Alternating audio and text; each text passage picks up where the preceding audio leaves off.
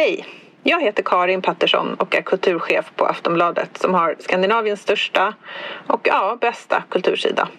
Varje vecka kommer dessutom mitt nyhetsbrev där jag skriver personligt om veckan som gick och gör ett urval ur veckans bästa texter och poddar. Både hos oss på Aftonbladet Kultur och på andra ställen. Nyhetsbrevet kostar ingenting och du får första tjing på inbjudningar till våra event och samtalskvällar om litteratur och idédebatt. Gå in på aftonbladet.se kulturbrevet och bli prenumerant. Hej då! Hej hej! Hallå där! Hej! Bonjour! Guten? Tag. Glad påsk! Glad påsk. Ja. Vi ska säga vi spelar in detta lite i förväg. Ja. Om det kommer kännas extra inaktuellt för att vi kommer åka bort på påsken. ja. Men samtidigt så kommer det komma på långfredagen som är så himla tråkig så att Ja, bättre det än inget tänkte vi. det är det verkligen. Jeps. Om ni är på Österlen och ni lyssnar på Mm. detta på långfredagen så kommer jag ha en utställning som man kan kolla på. Gud vad kul. Jag Kommer ska du? till Österlen. Jag kommer. Jag kommer. Så Så kul. kul. Ja. Caroline. Utställningen är i Gärsnäs på Mm. Malmövägen 16. Så, och den håller på Vilka, till... vilka eh, dagar? Den slutar 24 april. Och börjar när då? 14. Underbart.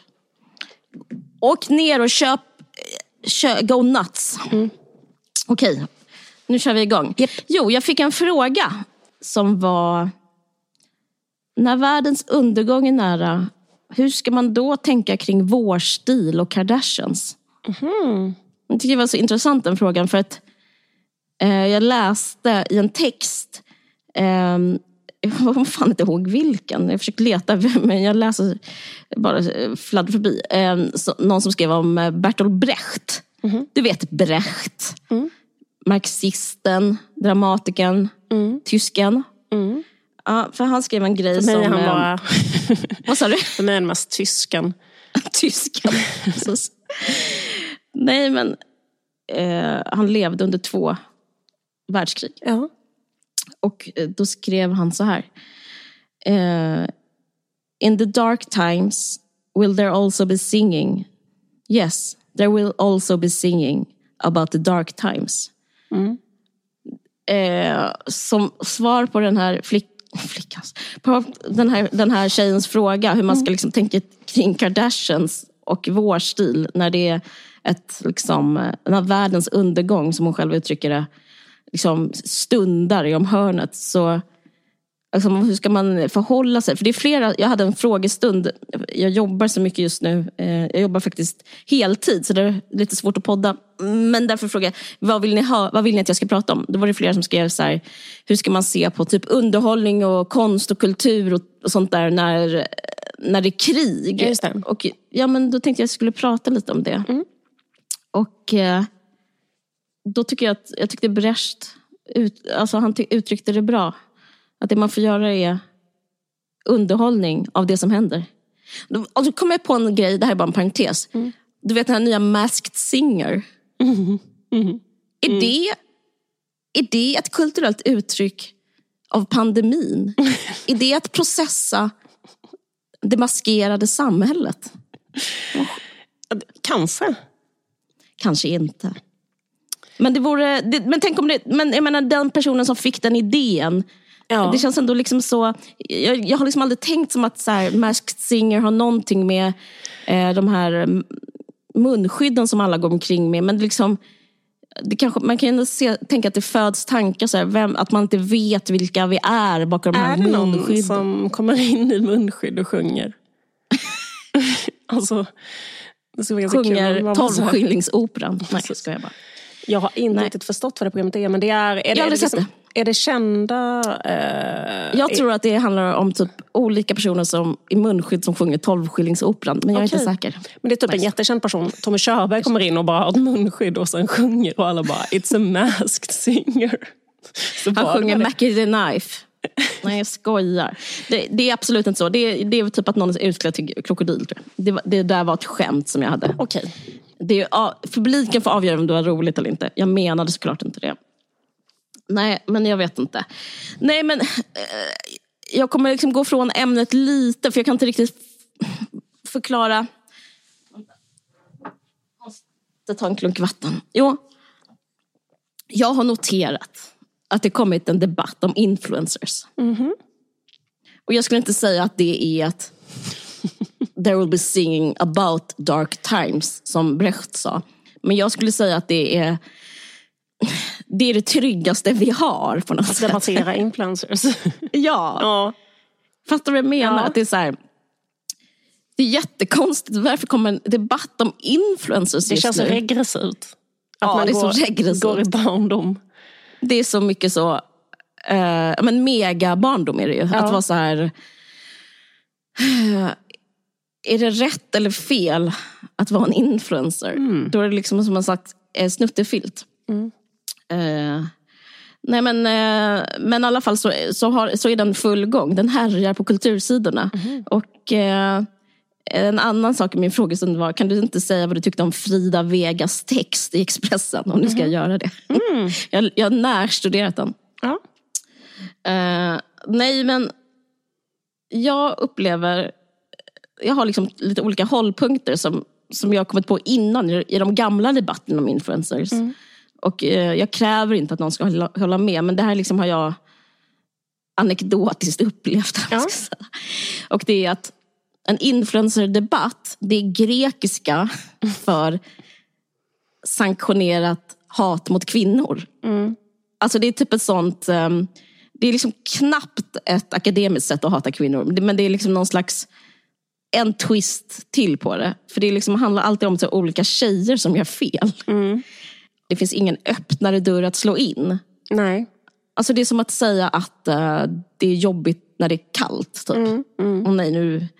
Vad, vad jobbigt med hösten eller så. Det är som att säga, vad, fan vad influencer är jobbiga. För grejen är att den har fått så mycket hat, den här Frida Vega-texten. Och jag tyckte faktiskt den var rätt så bra. Eh, Jag tyckte var kan du berätta för uh, lyssnarna som inte hänger med eh, att det var en text på Expressen? Det är så här, eh, så här står, eh, jag kan citera den Mm. texten. Eh, Är det då verkligen dessa uppenbara reklamsamarbeten som sticker i ögonen? Eller handlar ilskan snarare om en förträngd ängslan över att identitetsskapande idag rör sig i ett suddigt landskap där verklighet och fiktion glider samman, där vem som helst kan vara vad som helst. Ja, Det handlar om att om jag verkligen ska sammanfatta den kort, är att hon då, Frida Vega, fast det var egentligen Nora Hagedal, det var liksom ett, eh, en, en experiment de gjorde, att Nora som, och Frida, de har den här tidningen Nuda Paper, som är en konst och modetidning. De skrev på första, på första april, publicerades en text som kanske ska ses som ett aprilskämt, jag vet inte. En text om att eh, det inte är fel att influencers gör reklam. Och den svarar på en insomnad debatt skulle jag säga. Det var därför det är så konstigt att det kommer nu. För det var liksom ingen som sa det direkt just nu. Nej. Men man har sagt det genom kanske att Kakan med Klarna. Alltså det kommer lite så här olika eh, spridda skurar om att influencers är dåliga liksom, genom tiderna. De kanske skrev det då för att de gör reklam. Eh, och eh, det, känns, eh, det skulle vara skönt för dem att känna att det var soft att de gjorde reklam. Och Att de, fast de, de kunde bevara sin identitet. Och de argumenterar för det på grund, eh, genom att säga att vi lever i, enligt Baudrillard, ett postmodernt samhälle. Där liksom ingenting spelar någon roll. Och jag tycker de argumenterar rätt så bra i den här eh, texten. Eh, men eh, den har fått tre svar som raljerar rätt så mycket över vad de har skrivit och sådär. Bla, bla, bla. Eh, Sisek, eh, sluta använda fina ord typ som du inte kan, du har bara gått gymnasiet eller något sånt där. Liksom väldigt så taskigt. Ja. Nej, men det som jag tycker är intressant med det här, det är som eller lite olika grejer. För att liksom, jag skulle säga att de har rätt i sak. Alltså Frida Vega, säger att det är hon som har skrivit det här. Hon har rätt i sak. För att om en influencer gör reklam eller inte så spelar liksom inte det någon roll. Skulle, alltså det här är min åsikt. Det, Ja, jag, alltså jag, alltså det ena är liksom ett imagebygge om man, inte, om man är influencer och Mm. inte gör reklam så är det också ett imagebygge. Men om man gör reklam så är det också ett imagebygge och så får man, gör man med reklam för ett företag. Alltså jag tycker det är Mm. Och lite... därför blir jag nog mest arg på folk som gör det mot sin egen image. Alltså fattar du vad jag menar? För liksom, det är ingen Ja. som är arg på um, så här, Kim Kardashian eller en sån person som gör, Nej. hon gör reklam. Man blir Precis. mer arg när det är alltså, folk som först haft en annan image blir folk mer arga på.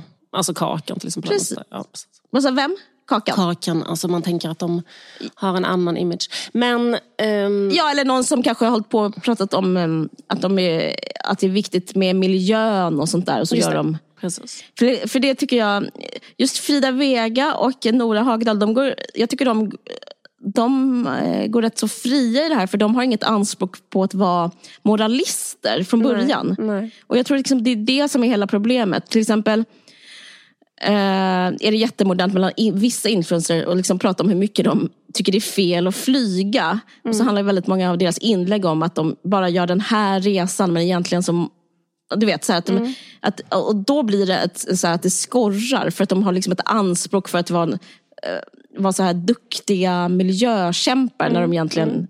Och så gör de kanske, alltså kanske någon som tjatar i blogginlägg efter blogginlägg hur fel det är att flyga. Och sen så gör de reklam för Lindex. Det är liksom mycket mer provocerande, i min lilla uppfattning i alla fall. Att det blir liksom en slags diskrepans där. Eh, men jag tycker liksom det finns ju en poäng med att inte göra reklam. Alltså jag vill bara liksom reda ut det. Men jag ska säga att om, om influencers gör reklam, eller om de inte gör reklam, så kommer liksom ändå H&M finnas, även Salt och Kvarn finnas och även tandbleking. Alltså det blir liksom någonting med att Ja, du vet, det är liksom så här. Och jag upplever också att alla de här artiklarna mot typ att det är fel att göra eh, att vara influencer och göra reklam, att det liksom finns ingen trovärdighet. Och Jag tror den positionen att ta mot de här influencersna, de fungerar också som eh, identitetsbyggande. Att säga, alltså eh, det enda liksom funktionen en influencer som gör reklam har är att säga att en annan person ska säga att de tycker det är fel att en influencer gör reklam. För att det blir liksom ingen riktig förändring varken innan eller efter på något sätt. Utan det handlar liksom om en identitet mot en annan. Men däremot så det finns ju en poäng med liksom att inte göra reklam eh, som journalist. Liksom. Alltså det tycker inte jag man ska göra. Typ om man vill vara trovärdig. Jag minns att Carolina Neurath som var journalist gjorde reklam för Volvo. Alltså, det, det, för en journalist ska liksom så här, täck, vad ska man säga, du vet, täcka och eh, kritisera och granska. Då blir ju en journalist otrovärdig om de samtidigt gör reklam för någonting som betalar dem för att säga att något är bra. Det är liksom det man har. Men jag vet inte, jag tycker det är intressant för att den här diskussionen är så ofarlig. Alltså den är o, alltså det är intressant att den kommer nu, det- för att den är liksom mysig för alla och för att ingen kan typ skadas, alla håller med varandra. Men, men den påminner mig om en diskussion som borde finnas men som inte finns. Som är till exempel att, för det handlar om, alltså jämför en journalist som eh, gör reklam och sen så skriver också journalistiskt så blir den texten otrovärdig. Så tycker jag liksom det är det här problemet att, eh, med recensioner, att eh, i skönlitterära världen, för där recenserar verksamma, aktuella skönlitterära författare andra författare. Det är liksom inte reklam, men det är liksom en, en bias som, eh, som laddar avsändaren liksom på samma sätt som Alltså förstår vad jag menar? Det, liksom gör, det är också en slags färgning. Och, och den, det, den diskussionen finns överhuvudtaget inte på någon kultursida. Fast, ja. Men det, det är egentligen... Vad, eh, vad, alltså, vad, vad menar du att de, ehm, att de skulle liksom ha intresse av att eh, till exempel skriva att den boken var dålig? Eller? ja, Ja. För att eh, jag, om jag, jag till exempel, eh, tar jag mig själv som är så extremt självgod, men jag skulle aldrig recensera en konkurrent. Nej.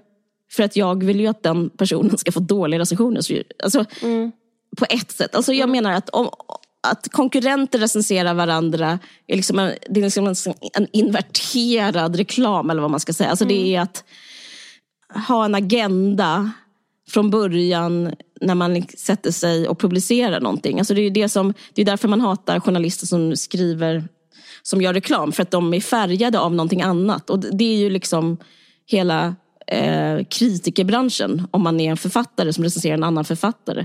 Det är liksom... Men um, jag, um, precis, för, och, men egentligen tycker jag så här, inte bara en författare utan också liksom en journalist som recenserar eller en typ tyckare eller en åsiktsperson mm. som tycker något. Mm. Eller, alltså, mm. a, alla konkurrerar ju, alla de människorna konkurrerar mm. om samma lilla medieutrymme och mm. det är bättre om de mm. typ trycker ner någon annan för att stärka sin Visst. egen position och sådär. Så det är ju liksom Um, ja, precis. Så att jag menar, oavsett vem så är det lite sådär.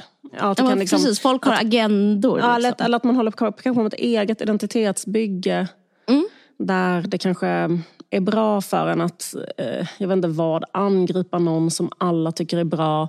För då har man en egen, ja. eh, plötsligt hackat upp en egen, eh, liksom trampat upp en egen liten gräsplätt eller sådär. Där man är ensam och, om att tycka något och då blir man mer intressant. Alltså så är det ju hela tiden. Ja. Just det, fan vad intressant. Så det handlar kanske mer om att, eller det handlar rätt mycket om det. Alltså folks egna, i och med att vi lever i så himla mycket sån personlig varumärkestid. Eh, ja, så alla visst. som skriver och så håller på med det. Att de bygger sin visst. egen identitet. Liksom. Ja men precis.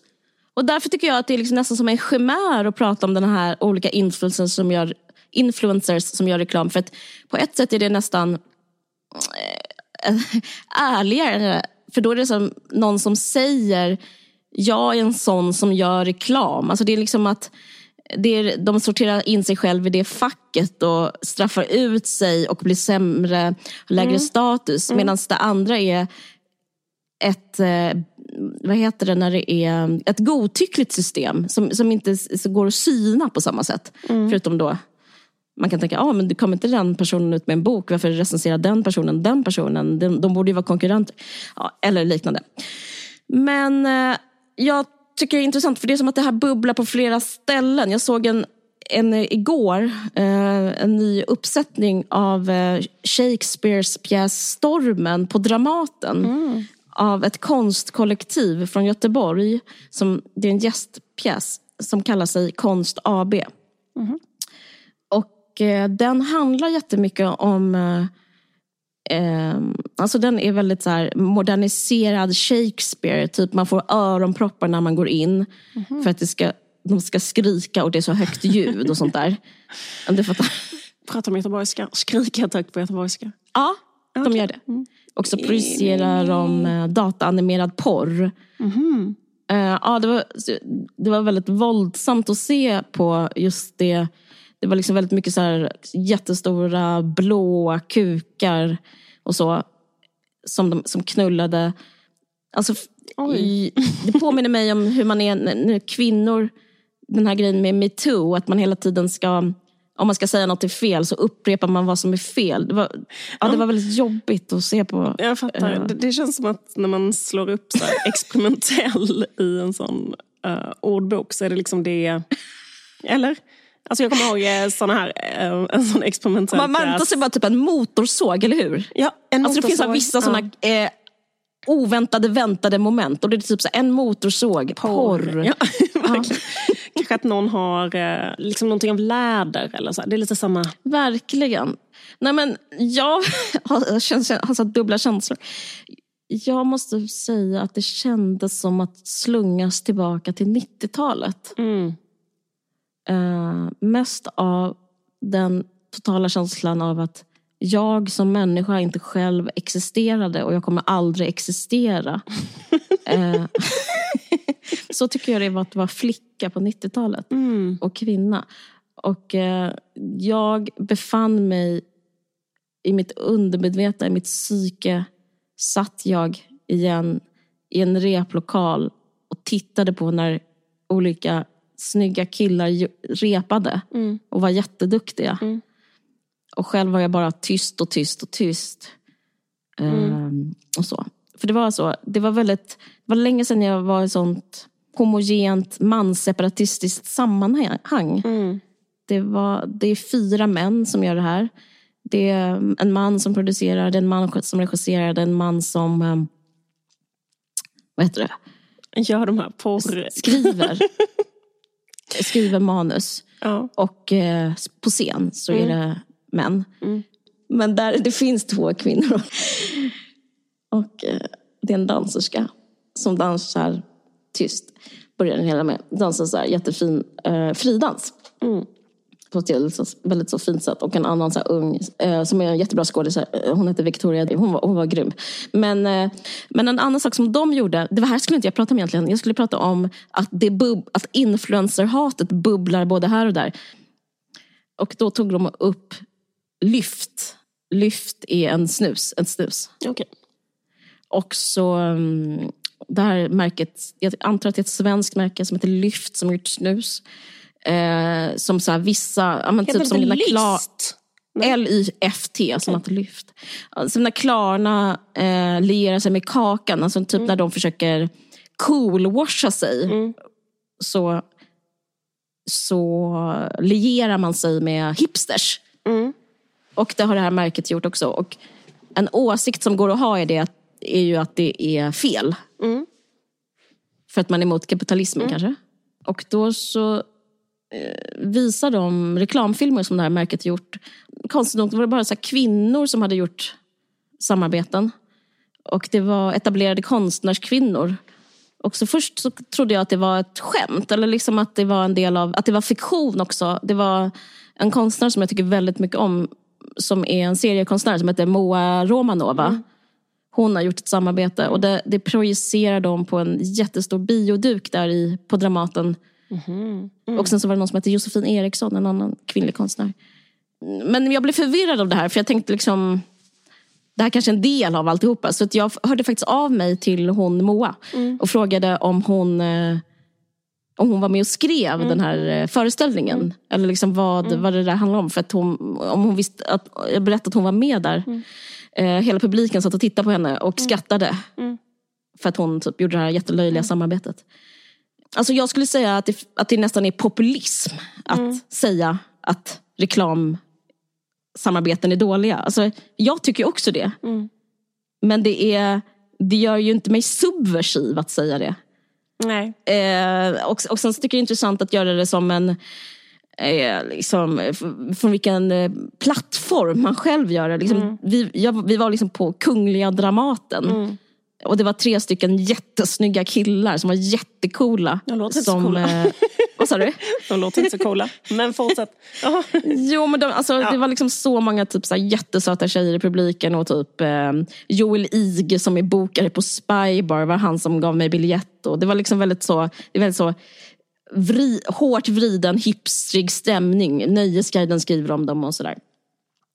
Och eh, Mattias Andersson som är före detta eh, konstnärlig ledare på Backateatern som, har fått, som är också anses väldigt cool. Han är ju ny, ny chef för Dramaten. Han har liksom anlitat de här. Och, ehm, men, men hur, som, hur man än vrider och vänder på det så är ju Dramaten den mest etablerade kulturinstitutionen i Sverige. ja, visst. Och det var, jag tror att det var också det som gav mig sån 90-talsångest. Det var som att se typ sen kväll med Lok. Eller, och när, så när Killinggänget, som också är en sån här mansseparatistisk eh, rörelse. Eh, när de eh, kanske gör eh, en sketch med eh, adopti, eh, liksom, koreaner. Liksom, eller något sånt där. Alltså det var liksom, eller, eller någon annan tönt. Ja, det låter så, verkligen. Det är också en helt annan grej tycker jag. Eller jag tror också det, det är liksom en helt annan grej också om en typ en jättefattig eh, konstnär som behöver pengar såklart, självklart, gör en sån, ett sånt samarbete. Det tycker jag är hund, eller, liksom, eller vet inte, det handlar ju väldigt mycket om kontexten. Jag håller, nej, jag håller verkligen med. Och de hade det som sån här, om du vet hur sådana teatrar är, att man loopar olika repliker och en replik är så här, ska konstnär, ska man kunna tjäna på sin konst? Då loopar de i, inom Shakespeares stormen. Jag tror att de gick från manus. Nej men du vet, det står absolut inte där. Men, nej men jag vet inte, jag tycker ändå liksom, samtidigt finns det liksom en poäng med att vara så här, ha ett vakande öga på typ så vad man själv gör och vem man själv är. Men däremot så finns det ju ändå så här poänger med att hålla en trovärdighet som både konstnär och journalist. Och, eller så här, kulturutövare på något sätt. Jag tänkte på liksom eh, mig själv. När vi gör reklam för saker, man kanske inte heller borde göra det. Jag vet inte. Alltså jag håller inte med i den där eh, Frida Vega-texten. Nej. Eh, För att Men jag tänker för att hon menar på liksom, argumentet är så att det är postmodernism och att Ja. postmodernism är att allt är ett identitetsbygge och det är också ett identitetsbygge som är lika Eh, liksom att bara för att saker är en konstruktion så har allt lika värde på något sätt. Just det. Men det tycker inte postmodernismen. Alltså, Nej. det är att allting är en konstruktion, eh, för det är det ju såklart. Och det är ett identitetsbygge och ett varumärkesbygge. Att vara mot eh, liksom influencers på samma sätt som det är att vara en influencer och så vidare. Men, eh, men det gör inte att man inte kan göra värdeomdömen. Nej. Eh, och tycka att någonting är bättre eller sämre eller verka för en viss samhällsutveckling eller, eller verka för en annan samhällsutveckling. Jag vet inte. Nej. Jag tycker att det är helt fucked up med influencers som gör reklam och jag, tycker, alltså jag är emot reklam överhuvudtaget. Alltså jag är emot all reklam. Och jag menar, och jag tycker liksom att, fast jag tycker att det är nästan, fast jag tycker att det som är mer inbilskt med influencers som gör reklam. För där liksom bygger man på en, man bygger på en slags um, riktig mänsklig relation på ett annat sätt. Så här, jag har byggt verkligen. ett eh, förhållande med dig för jag lyssnar på dig och tycker så mycket om dig och nu tar du mig i handen och leder mig någonstans fram till den här varan som du ska köpa. Och då tycker jag det liksom, känns som att man eh, Men precis. varifierar eh, en, en... Alltså, man släpper in eh, liksom, vad heter det, mammon i fler och fler Mm. delar av mänskligt liv. Och det där är att gå över ytterligare en gräns. Liksom. Mm. Eh, men eh, jag menar, jag är själv en total idiot eh, som gör jättedåliga grejer och jag vill inte säga att jag gör någonting som är bättre än någon annan. Eller jag menar, alltså så, Nej, nej. jag skulle aldrig inte drömma om det. Jag menar genuint verkligen att det är så. Men det, det är vad jag tycker. Liksom. Så om det där. Ja men absolut. Jag Men menar, jag, menar, jag gör ju reklam själv i, i den här podden men jag tycker det Ja. känns fel. Alltså. Men eh, precis. vi gör ju det för att eh, liksom, vi vill ha mer pengar. Men jag menar, vi hade kanske inte behövt göra det. Vi hade kunnat, kunnat jobba med något annat. Men eh, liksom, det är som det är. Jag tror typ inte jag kan det. Men, nej, men, nej, men, men det, jag ska bara säga Mm. det med, håller, jag tycker ex- självklart som du, eller jag tycker, det är det här jag menar, att alla tycker så tror Mm. Ja, jag. ja. Men, men eh, det som är läskigt med influencers är att det inte finns någon diskrepans mellan, alltså om vi jämför med en poddare till exempel. Mm. Men om det är en influencer som har det som är yrkesrollen så finns det ingen diskrepans mellan identitet och reklam. Det Mm. är eh, identitet, eller det är ett jag Mm. att vara reklam. Och det är liksom väldigt djupt från början. Alltså det finns en dju- djup dekadens i den mm, rollen så att säga. Och jag upplever att de har gjort någonting, eh, tagit över liksom en mörk, en stafettpinne av mörker som är den här tjejtidning, vad Ja, de visst. gjorde på 80 och Absolut. 90-talet.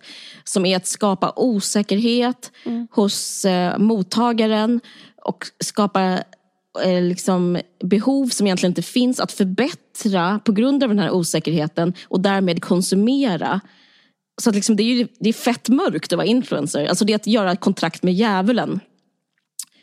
Med det sagt så tycker jag liksom har jag en personlig grej som du, som, jag menar inte att du ska ha samma som jag, men med det sagt så gillar jag pajiga människor. Och, och, och jag kan inte bli arg. Alltså jag tycker att de är de det är det jag menar, jag, därför jag vill ta upp det här med att jämföra med författare som skriver om andra författare. Jag upplever inte den sårbarheten, jag upplever inte den här idiotin Nej. som är synlig, som, man, som alla pissar på, för det går så lätt att pissa på det. Utan och därför, därför, vill jag liksom ändå höja en slags försvar. För det jag upplever är att liksom det blir som en slags debatt om kvinnor till slut. Men jag menar inte det här som vi pratade om förra avsnittet heller. Att, det finns, att man inte får kritisera kvinnor. Men däremot så blir det som en genre. Liksom en så här, ett sanktionerat sätt, liksom en trygg plats där man bara, får, där man bara kan säga så här, "Ja, de är, de är dåliga. Ja, ja.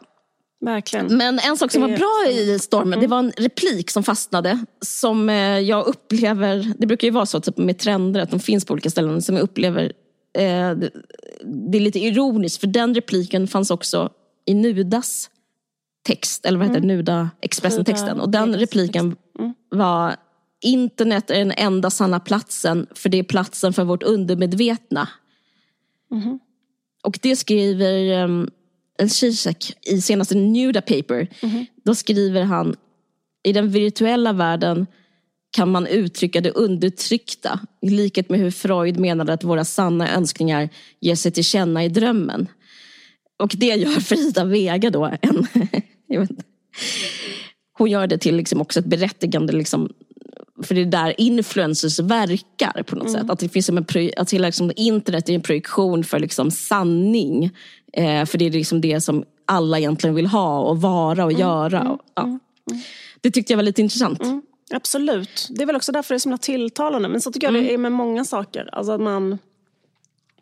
Det tilltalar något ursprungligt driftstyrskt kanske. Eller någonting som finns mer inhamrat i någon så här äldre del av hjärnan. Eller något sånt där. Fattar du vad jag menar?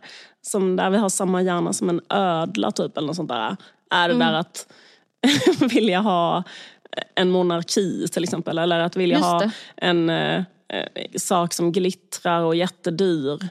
Eller, alltså det, där, det, det är ju Just det. begär vi har. Liksom. Men det är liksom Ja. en... eh, ehm, Det är ett hemligt begär ja, om man exakt. prata Och det är med Freud. precis, exakt. Och det är Eller kanske som för att det är så. mindre civiliserat, eller vad man ska säga. kanske. Och, Det- då, det- det är och då, och då liksom... eh, Och, och då är det liksom lätt att tycka att man är lite bättre och sådär. Men, men samtidigt, jag vet inte riktigt. Men sen så finns det en helt annan aspekt. Som är den som jag började med, som handlade här om vad man gör när en undergång är runt hörnet. Just det. Och, och det är att hata en influencer, att det finns en tröst i det. Och att det finns den där också, att stormen på Dramaten är som den är med skrik, porr och det där. Det är en tröst. För liksom det är den ena nyheten i veckan. Den här liksom, det, var- det var liksom veckans snackis på Twitter. Det här med Frida Vegas text. Och den andra nyheten den här veckan är att det sker ett folkmord i Butja. Alltså den här eh, förstaden till Kiev. På Ekot rapporteras om hur en familj bränns på bål i förstaden till Kiev. Och då blir det som att i ljuset av det så är den här dekadensen som man ändå får liksom sammanfatta det som, som då, då, är den ett, då blir den ljus. Alltså, det är liksom, den, det, den blir en, en uppvisning i, vad ska man kalla det? Att vara i liksom en slags frän frihet. Det är en slags lyxig nihilism alltihopa. Det är också ett sätt att liksom vara fri på, att Ja. hålla på så. Och det är kanske det alla håller på med egentligen bara. Och det kanske är ett extra stort behov av det just nu.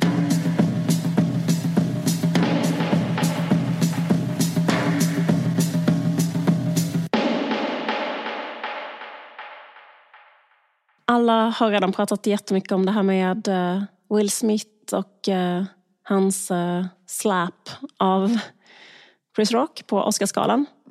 Och nu när det här sänds, eftersom vi spelar in i förväg, så kommer det kännas ännu mer kanske uttuggat. Eh, men inte eh, för Jag tycker det är mig. jätteintressant. Så för mig, okej. jag är i alla fall supertaggad. Ja, kul. Precis. För jag är också, jag, jag, jag tror också att jag kommer fortsätta vara intresserad av det länge, långa, långa, lång tid framöver. Och därför att det här är också något som jag har varit intresserad av många, många, många år. Eh, nämligen eh, Jada Pinkets eh, förhållande med Will. En av mina stora, ett av mina riktigt stora intressen i livet. Ja. Och därför är det mumma för alla oss dessa dagar. När vi kan återgå till um, deras förhållande. Eh, nej men det är ganska kul för att ehm, jag känner att jag förstår som, som, som gammal, eh, gammal eh, expert, eh, sån här privat, som, ja, som, som, Palme, som såna Palmemordersmänniskor håller på och privatspanar Ja. så är jag intresserad av eh, Jada och Will. Och jag tror att jag eh, förstår alltihopa. Och för mig så förstår jag direkt varför han går upp och gör det här. ja. Men i alla fall, de, de brukar liksom alltid vara framhållna i alla artiklar. som så här, alltså Det finns ju alltid såna här artiklar, eh, så här, Hollywoods längsta förhållanden, bla bla bla. Eh, De äktenskapen i Hollywood som håller, så, här, så är de alltid med. För de har ju varit gifta ända sedan eh, 96 eller något sånt där. Jada och Will. Men de borde ju absolut eh, skilja sig. De borde ha skilt sig för jättelänge sedan.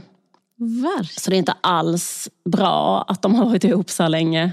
Och de kommer vara ihop tror jag för evigt och det är inte alls bra. Eh, jag tror liksom att de, min, min tolkning av dem är så här. Att han är jättekär i henne och hon är inte alls kär i honom. För jag tänker liksom att hur de är, så här tänker jag att Will är. Will är så här, typ en lite pantad, glad person med en gudabenådad charm eh, som liksom har gjort honom så här astronomiskt rik och alla älskar honom. Han har en så otrolig karisma och så. Mm. Men att Jade är liksom mycket mer så här, um, en, en slags väldigt, liksom, jag, jag upplever henne som en um, mer liksom mörk, slags gravallvarlig person. Som är liksom väldigt uh, överanalyserande, någon form av overthinker som bara liksom, uh, är väldigt humorbefriad och liksom tar livet väldigt allvarligt. Mm. Och jag tror absolut inte hon är kär i Will för att han är liksom för ytlig och pantad för henne. Alltså hon kan liksom inte riktigt få upp den till Will Smith, tror inte jag. Okej. Eh, och ehm, liksom varje gång hon pratar, alltså varje gång hon blir intervjuad, hon har sagt så här tusen gånger, varje gång hon blir intervjuad så lyckas hon säga så här, att hon aldrig ville gifta sig med Will Smith. Typ, för hon tror inte på institutionen äktenskap. Det är liksom hennes grej. Eh, och på hennes Är de gifta eller? Är de inte Mm, jo, de är gifta. Men hon är så här... eh, hennes Instagram är så här, det är typ bara långa, liksom, långa, långa så här humorlösa, förvirrade utläggningar om self-love och divine femininity.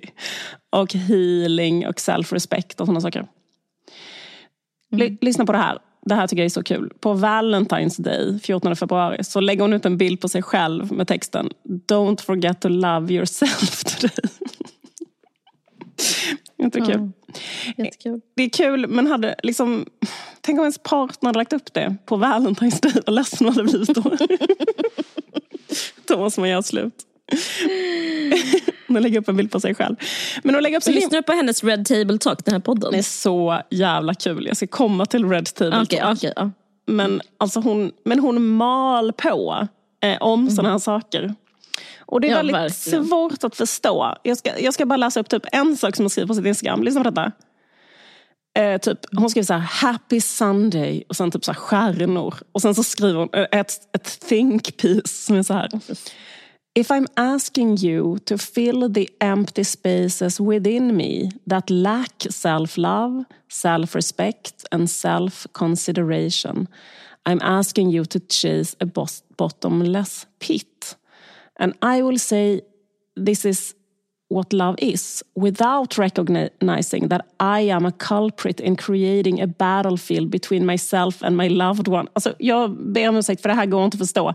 That is full of concentration and resentment and that will eventually become a breeding ground for emotional abuse.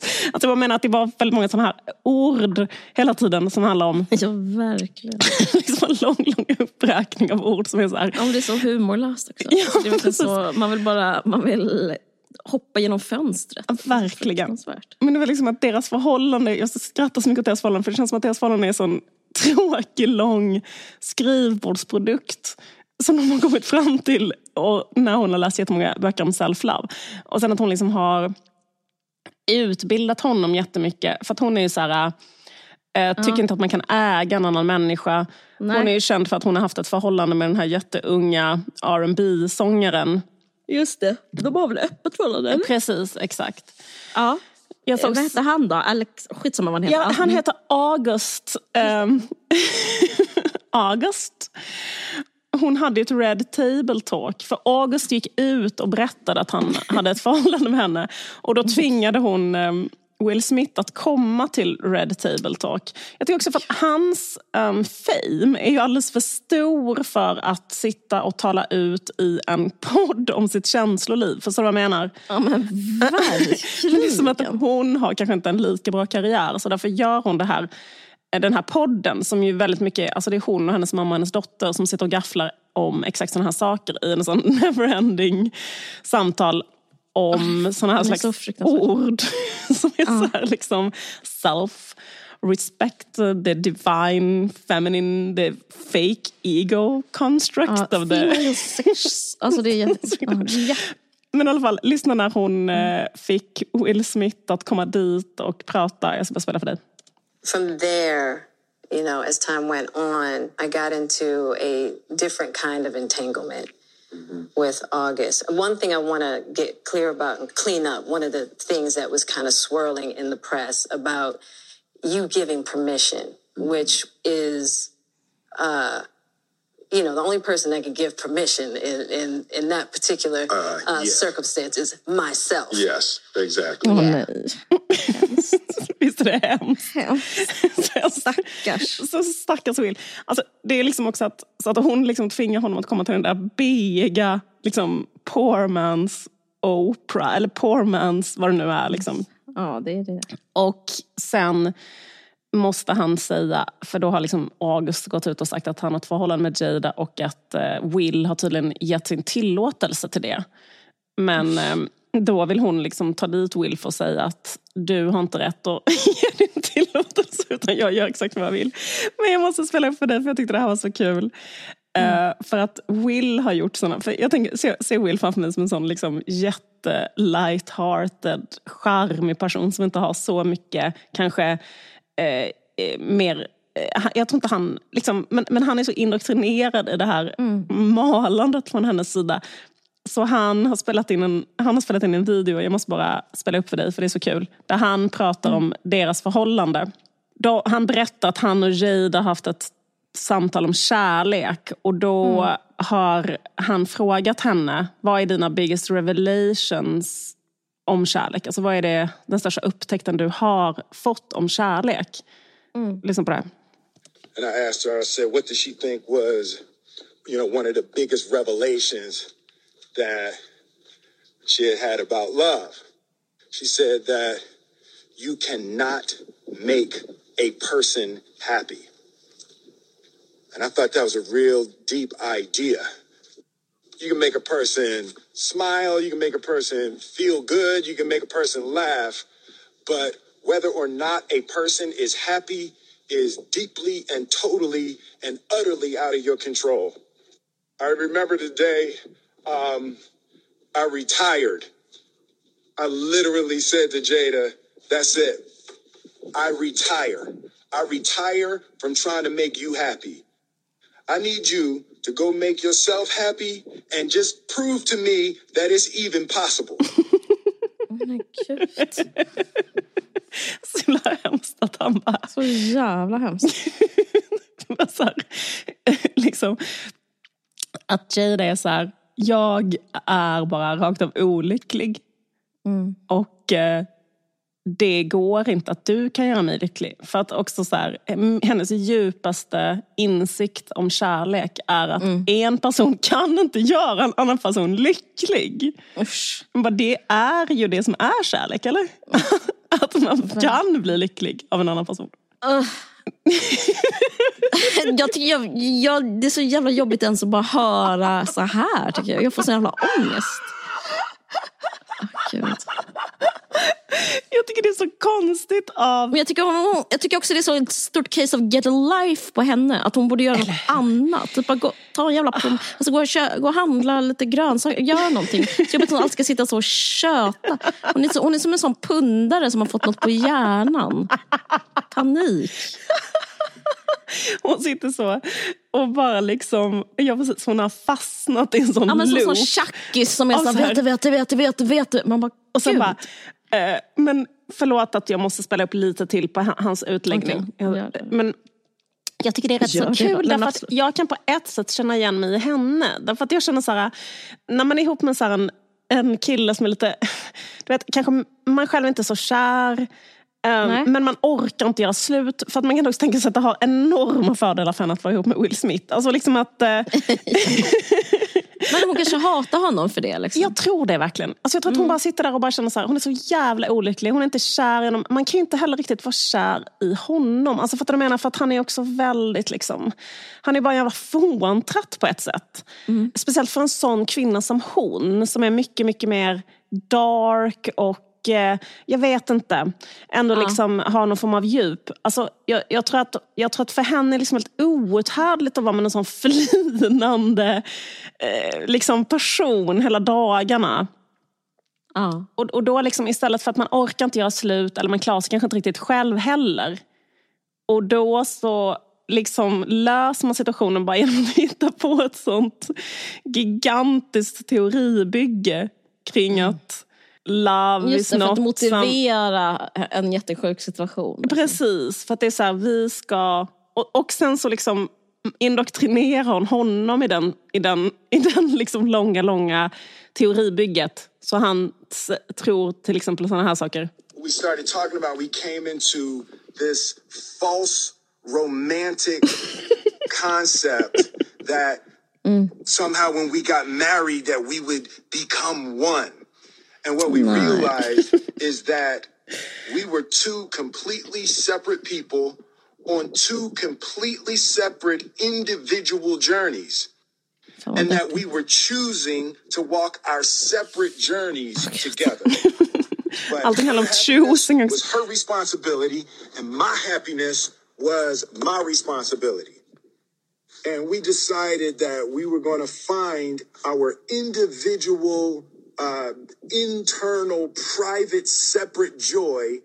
And then we were going to present ourselves to the relationship and to each other already happy. Det här är Jag motsatsen. fattar inte man kan ha det som intresse på det viset. Alltså det är så jävla så mycket tid där. Verkligen.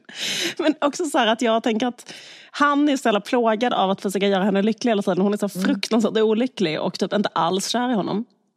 Och han bara liksom mal på, mal på, mal på med de här olika grejerna. Men det här är egentligen liksom motsatsen till vad kärlek är, eller hur? Alltså hon bara, eh, v- kärlek är inte att en annan person kan fylla ens voids, till exempel. Man bara, men vad är det då? Eller att eh, liksom så här, du ska själv, alltså helt själv, utan en Det är annan väl person. liksom den lilla uspen med kärlek Ja, eller? men eller hur? Liksom så här, du ska helt själv göra dig själv jättelycklig. Liksom, hur ska man kunna vara det också? Bara så här, var helt lycklig själv och älska dig själv själv. Och sen efter det ska du träffa en annan person och present yourself as happy. Ehm, det är den här liksom fixeringen vid happiness också. Men sen tänkte jag på en annan sak med de två som är mitt starkaste argument för att Jade inte är kär i Will. Och det Du vet är... att jag tror tvärtom. Jag tror att Will inte är kär i Jada. Men vi tar en annan. Gud vad intressant. Det måste du komma Sen, med sen. gång. Ja. Mm. Men varför är han då ihop med henne? Skuld. Det är därför han slog henne också. Skuld. Okej, okej. Ja, det är en intressant tolkning. Så skulle Ja. det också kunna vara. Alltså han har skuldkänsla för att han inte är kär i henne. Ja. Och därför så eh, måste han liksom jättemycket gå över där. Han, vill kompensera, med det där slaget kompenserade han. Han, vill, han måste bevisa något som inte är sant. Allt just det, så kändes det ju jättemycket. Chris Rock sa vad han kände. Ja. Vad för jävla skallig kvinna bredvid mig? Den sen kom skulden ikapp. Just Han det. slog sig själv. Det, det, det är en jätte, jättebra tolkning. Och det tror jag också. Antingen, att, antingen är det så, eller så är en annan tolkning. Varför skulle jag, hon, förlåt, men hon har ju mycket lägre status än vad han har. Men jag tänker så här, eller så är det så här. För, n- först när han sa skämtet, eh, G, ser ut som G.I. Jane, så liksom skrattar han och hon skrattar inte. Nej. Och då ser han att hon sitter där och igen, för att han, han sa i det här klippet I resign from trying to make you happy. I resign. Eh, Men han har inte alls resigned from making her happy. Utan hela hans liv är liksom en sån jävla har- plåga. Att försöka Precis. få den här sura, eh, deprimerade, olyckliga kvinnan glad. Och så han satt där och skrattade lite åt skämt. Så tittar han på henne och ser att Får han hon är jättearg. Och då känner han så här, och då bara får han en sån jävla bara, jag måste eh, gå upp dit och bara smälla till honom. För att Jada, liksom, han, han går runt på tå hela tiden för att Jada ska vara glad. Och det Ja. här var liksom ett desperat försök att eh, få Jada glad. För det är det han jobbar med hela tiden. Alltså, Antingen är det så att han är kär i henne eller så är ingen kär i den andra. Men jag ska säga... Jag tror hon är kär i honom. Ja, Okej, mm, intressant. Ja. Men hur som helst, så mitt starkaste argument för att de inte är kära Ja. i varandra eh, är att de är eh, för besatta av sina egna barn. För att det här Jaha. är en... eh, Vad intressant. Vilket bra... Ja. Vad intressant. Ja. Jo, nej men faktum är att jag läste det här i um, Anna Karenina av Tolstoj. Att Tolstoj skriver så här i Anna Karenina att hon, för hon lever i ett olyckligt äktenskap där hon inte är kär i sin man. Det är därför hon startar en affär. Just det. Eh, Men hon har ett barn som hon är helt besatt av. Just Eh, och då skriver Tolstoj, hon är besatt av sitt barn på det sättet som människor är som inte är kära i sin partner. Att de, blir liksom, att de för över, att de liksom skapar en helt sinnessjuk Ja. obsession kring barnet. För det är där kärleken finns i hemmet. Liksom. Ah. Och jag tycker, när man tittar på Gud, de det- två undrar om jag är barn... likadan. Vad sa du? Nej, det var inget. Nej men alltså det är inget fel att eh, Okej. vara besatt av sina barn. sån, men det, fortsätt. nej men kolla här, jag är också besatt av mina barn. Ja. Men grejen är att i, vi är inte det på det sättet Nej, okej, som okej. Jada och Will är besatta av sina barn. För att kolla här, sant. lyssna på de här barnen. Alltså, för det första så har de döpt barnen till så här, kombination av sina egna namn. Eh, alltså de heter Willow och Jaden. För det andra så har de liksom homeschoolat barnen. De har gjort barnen, alltså de har satt barnen typ under en ostkupa och sen gjort barnen till en, en, en helt perfekt fantasi som är väldigt avslöjande av hur de själva är. Det är det som att de är framställda i ett laboratorium av en vetenskapsman som ett experiment för hur man kan göra något som passar Jada bäst. Alltså typ så här, den dottern till exempel, förlåt, men det är så här, båda barnen, men om vi tar dottern Willow. Hon, det här är liksom en, en alltså hon är besatt, alltså hon är liksom en hårdrockare för det första. Jättekonstigt. Vem är det? Hon gillar liksom Alice in Chains, hon spelar bas. Hon har liksom, nej men alltså, nej men det är helt sinnessjukt. Hon har liksom svart läppstift. Vet du vem hon ser ut som? Eller som hon känns stilinspirerad av? Um, det bandet, jag vet inte om du kommer ihåg det här, men det fanns ett band på 90-talet som hette Skank. Ja, ja, det. Exakt som Skank Nancy. Det är så- liksom ett jättekonstigt band som har stått på 90-talet. Eh, där det var en tjej som var frontfigur, som var liksom en lesbisk tjej med rakat huvud. Det är en annan grej, för de har ju rakat huvud som sitt totala ideal. Jada har det, Willow har det. Willows bandmedlem är en annan tjej som också har rakat huvud. De tycker det är snyggt att ha det. Det är också därför det var så konstigt att bli så jävla arg för det. För det är bara deras coola kvinnoideal att se ut sådär. Men Men är det inte att mamman har tvingat alla att säga att det är fint fast det är fult? Jo, förmodligen. Hon har ju tvingat sitt barn ha rakt huvud för att hon själv har allocerfia. Ja, alltså, men, nej, men jag menar, inte tvingat, men hon har, liksom, hon har, hon har barnet, är som Liksom- en, barnet är som en skrivbordsprodukt för någon Ja, som var ung ja. på 90-talet. Alltså, det är liksom att Jada och Will har skapat ett barn som perfekt inkarnerar någon debil fantasi. Typ såhär, vad är coolt? Och då har de liksom tagit så här, kanske skanka Nancy. Alltså typ så här, att ha, att ha så här, typ rakat huvud. Um, men de ser kanske spelar ett Pearl Jam-riff. Alltså det är band som ingen människa har lyssnat på eh, på 20 år. De enda som lyssnade på dem, det var ju då på 94, 95, 96 när liksom Jada och Will var unga. Så gillade de kanske de här banden. Då har de liksom homeskolat sina barn och modellerat fram en sån konstig pervers fantasi från en 90-talsmänniska. Det tycker jag är väldigt konstigt. Att ha lyckats med det. Men då känner jag Mega. den, och Jaden är också så. Jag hade så här Jadens musikaliska influenser. Då var det så här Kurt Cobain.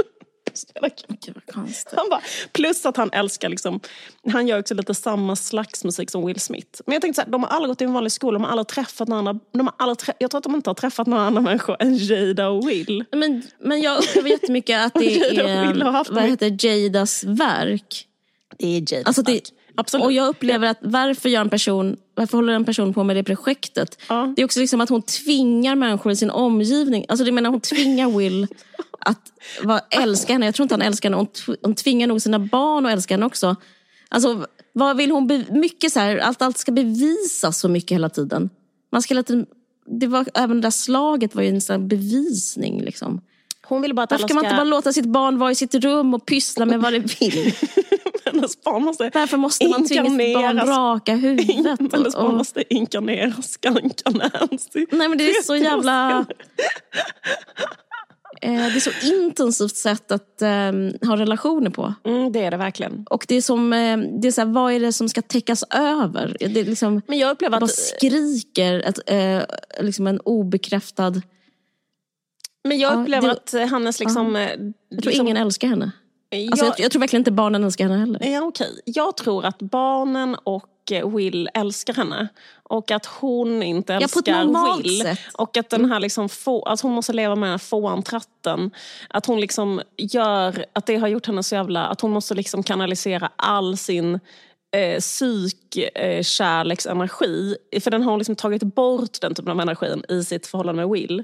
Och den kanaliserar hon på de här barnen. Genom att liksom eh, skapa det som hon själv älskade mest när hon var som gladast ung på 90-talet. Liksom på Skankan Ja, ja. Nancy. Jo men så tror jag, det har du rätt i. Men du tror inte alls det har att göra med att han eh, kanske han är misshandlar henne, i alla fall psykiskt, särskilt, särskilt lite, lite fysiskt. Och det gör att hon gör som alla misshandlade kvinnor gör, omöjligt att lämna sin man. För att man känner att man inte är någon utan dem. Mm, kanske. Jag vet att de inte är typiska, men grejen, det som är ju typ, det som är så chockande med kvinnomisshandel, att den liksom sker i alla skikt. ju. Mm. Just det, Alla klasser absolut. och alla... Mm. Det är ju inte bara liksom ruffiga typer i knarkarkvarter. Liksom. Det, det, det som talar emot det är att jag känner att hade en misshandlad kvinna kunnat ta sin man till ett red table talk och tvinga honom att säga du kan jag ligger med den här 23-åringen Jo, men han är ju skyldig henne kan inte stoppa." allt. Aha, Han är skyldig henne exakt allt. Han, hela hans liv ett ständigt förlåt. Okej. Ja, intressant. Kanske. Kanske. Ja. Eh. Nej men visst. Din teori är också väldigt bra. Ja, vi får se. När August ska skriva en, sina memoarer.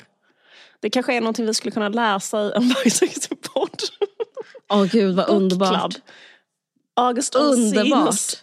Memoarer My Life with Jada. Nej, men jag tror någon av barnen kommer vara så. Inte den där jättekonstiga pojken, Jaden. Ja.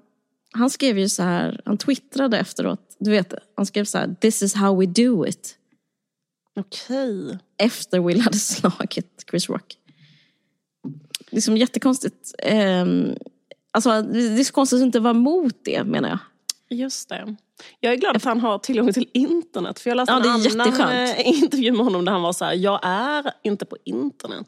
Nej, det är jätteskönt. Nej, men jag tror på, kvinn- på flickan. Jag tror hon kommer vara så här, jag levde enormt dysfunktionellt hem. Jag gjorde allt för min mamma. Hon kunde inte just lösa sig fri.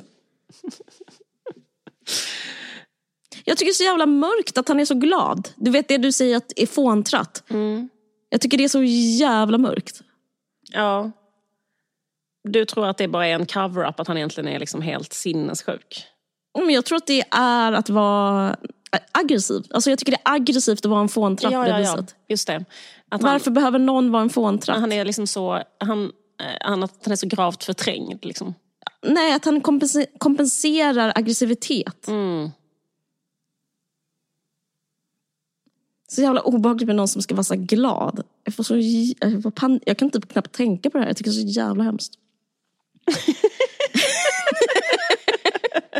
För invested. Okej, slut med fantasikvarten om Will och Jude. Ja, verkligen. Ibland tänker jag vad skönt att få på det på svenska. Du, det är väldigt skönt. Vi har ett samarbete med fackförbundet ST som är det största fackförbundet inom statlig verksamhet. Och de har över 97 000 medlemmar som arbetar inom statliga myndigheter och verk, bolag med statligt uppdrag, universitet, högskolor och statligt finansierade stiftelser. Mm. Som Sveriges enda fackförbund som uteslutande organiserar statligt anställda har de en unik kunskap om hur det är att arbeta på ett statligt uppdrag. Och, eh, de är övertygade om att alla anställda tjänar på att vara medlemmar i samma fackförbund istället för att dela upp sig i de här olika yrkesförbunden. Precis, och när man är medlem i fackförbundet ST så får man massor av saker till exempel förhandlingshjälp. Alltså hjälp med sina rättigheter och, och man blir företrädd eh, om man har blivit uppsagd eller diskriminerad på arbetsplatsen eller inte fått ut sin lön. Man kan få facklig rådgivning när man behöver snabba svar om sin lön och så vidare. Och det här är bara några saker. Det finns mm. mycket, mycket mer fördelar med att vara med i fackförbundet ST. Ja, just nu de tre första månaderna gratis.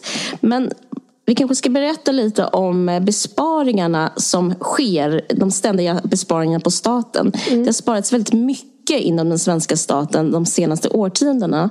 Och eh, de här besparingarna går under namnet produktivitetsavdraget. Och det är något som infördes på 90-talet för att man skulle tvinga fram en gradvis effektivisering av statlig sektor i samma takt som ehm, det privata näringslivet. Mm. Um, och den 30 mars ja. så kommer fackförbundet ST att släppa en rapport om detta och vad det har fått för konsekvenser. För mm. att liksom själva idén att staten ska kunna öka produktiviteten på samma sätt som ett privat företag. Det är liksom eh, en tanke som bygger på att det ska vara näringslivets ideal som ska styra även offentlig verksamhet. Eh, så det är liksom mm. det här som brukar kallas för new public management. Att man liksom eh, använder sig näringslivets eh, liksom, vad ska man säga, arbetssätt och försöka slimma allting på samma sätt fastän mm. det är en helt annan verksamhet de håller på med. Mm. Den här rapporten släpptes den 30 mars om avdrag och dess konsekvenser. Men vad är det som har fått för effekter då? Jo, effektivitet i sig är inget negativt men det går inte att slimma en organisation hur mycket som helst. Till exempel så kan man ha snabbare maskiner eller eh, förlägga verksamheter, eller delar av verksamheten i låglöneländer.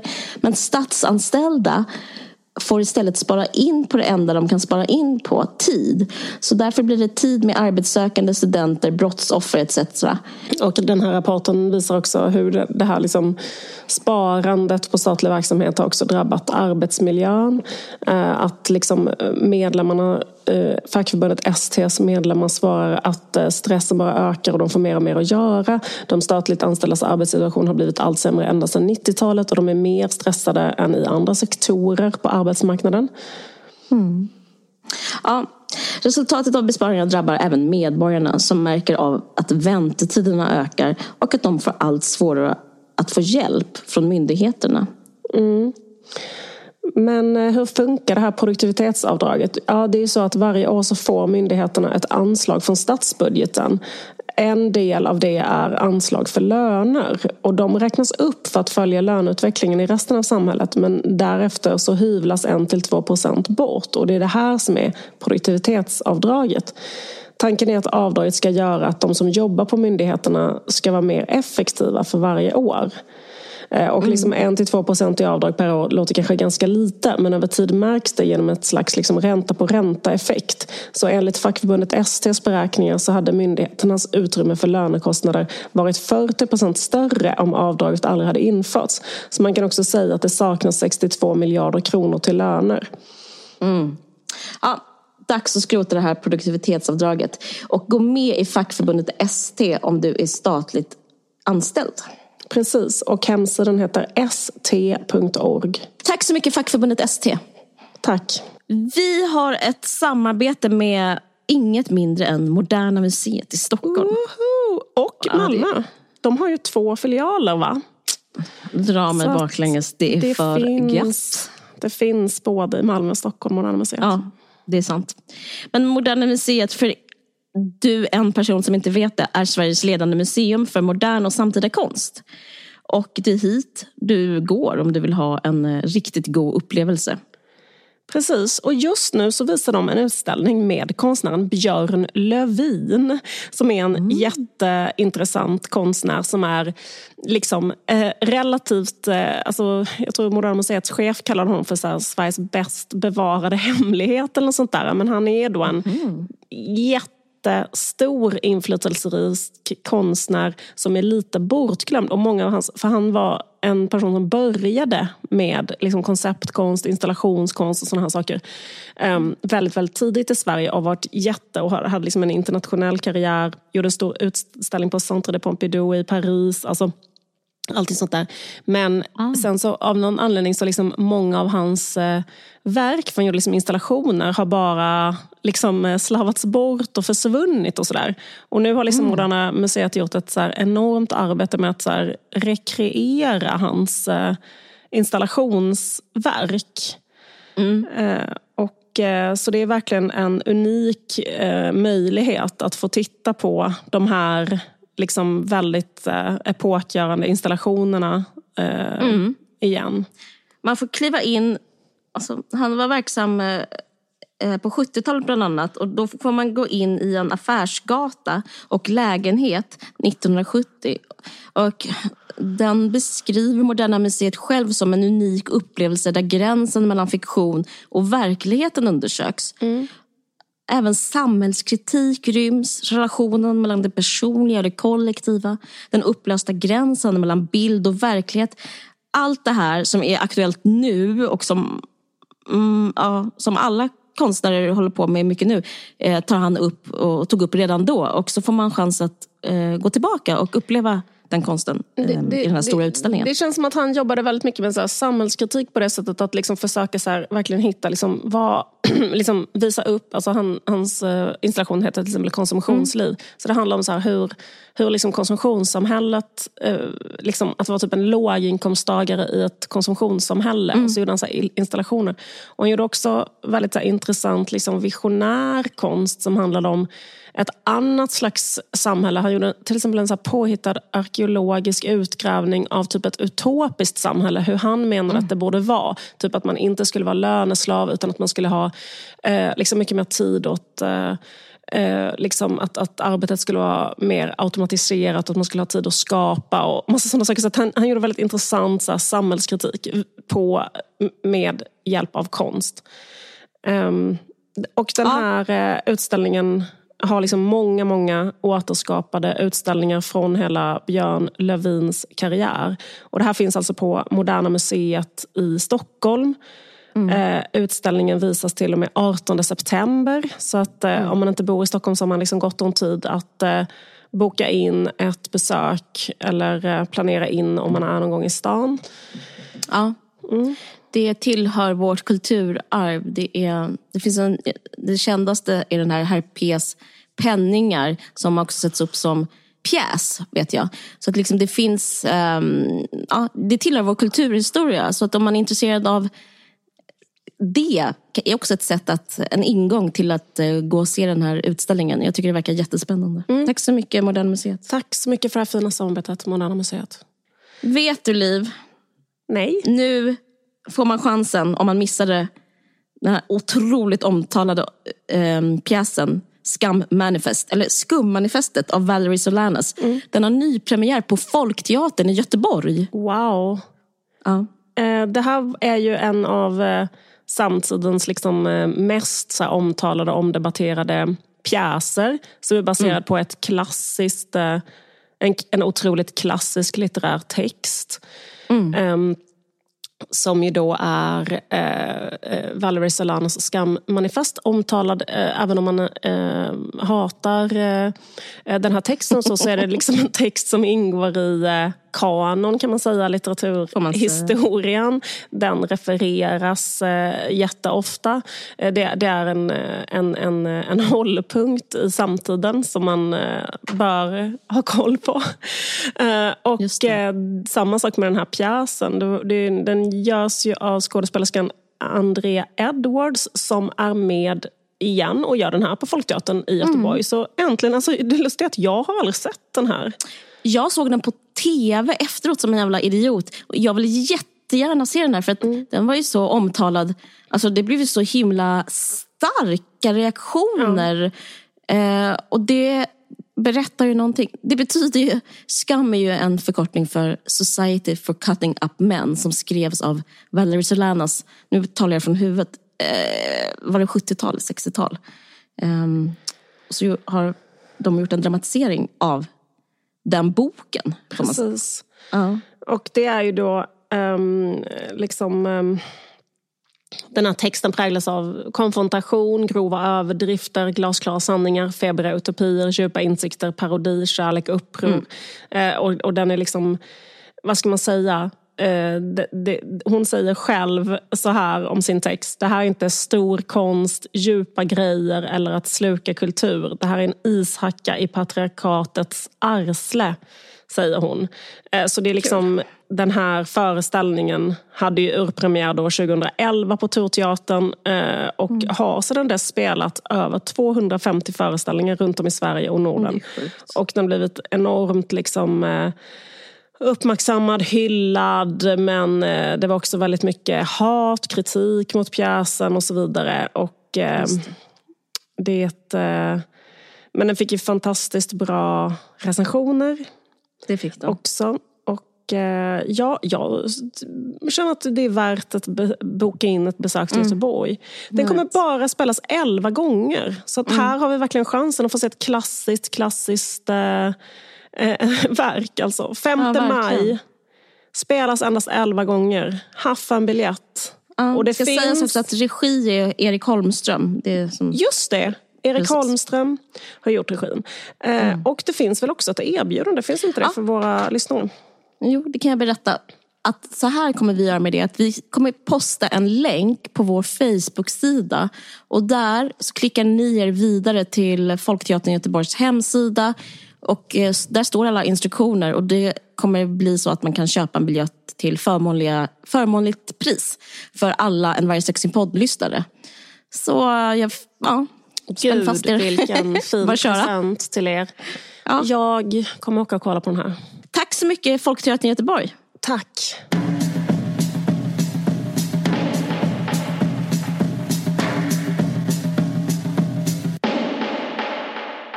Jag tycker det är kul det här med det här liksom enorma malandet om um, healing och growth och sånt. Nej, fy I liksom, att det surret uh, är runt en person som är så här. Oh, ja. Alltså väldigt, väldigt liksom. Det är verkligen så här. Hur, hur, vet man att någon snart ska rusa upp och lappa till någon? Det är att man först har pratat jättelänge om healing och growth och be here now och meditation. Ja. Så är inte det alltid hänger ihop på något sätt? Jo, verkligen. Någon sån jävla repressed wrath som bara... Åh oh, gud. Men jag hade också kunnat bli så arg om jag hade levt med någon som skrev såna Instagram captions. alltså det är ju så. Ja, det, det har du faktiskt rätt i. Det är kul för det här barnet har också skrivit nu tror jag att hon har tagit bort det, men hon hade på sin eh, alltså profile polyamorous, alltså hon skankanensi-barnet. Det är också jätte liksom, förlegat ord för man brukar ju säga... Flersam. Nej men jag menar att man brukar, non-binary säger man nu för tiden. Man säger inte polyamorous. Det är ju här, nej, men non-binary är något helt annat. Men poly... ja, men jag, men, nej, men jag menar att det är otrendigt i den ja, relationen. Ja, ja. Att de håller på med liksom en annan typ av eh, sexuell Ver utforskning. Ja, ja, verkligen. verkligen. Att polyamorous mm. känns det som en sån, någonting som kanske en late, 50? en late bloomer, alltså en riktigt late bloomer håller på med, eller höll på med. Men det är det som är det, är det jag menar, att hon channelar ju Jada på ett jättekonstigt sätt. För hon är också för ung. Så varför är man polyamorous? Hon är liksom en Vogue-modell. Som är, Skaffa pojkvän eller flickvän ja, först. Liksom. exakt. Man du har inte ens, liksom, vad är du polyamorös i relation till? Ja, men du bor hemma typ. Du sitter på ditt Nej. rum och gör såna, övar in Alice in Chains-låtar. Jag känner liksom bara lägga benen på ryggen. Alltså jag vill bara springa därifrån. De värsta människorna på jorden. Också så att de har så mycket pengar på det. Jag pallar ja, inte. Nej. Ska vi säga tack för den här veckan? Glad påsk! Glad påsk! Jesus är uppstånden snart. Just det, snart. Okay. Håll ut. Håll ut. Puss och kram. Hej. hej.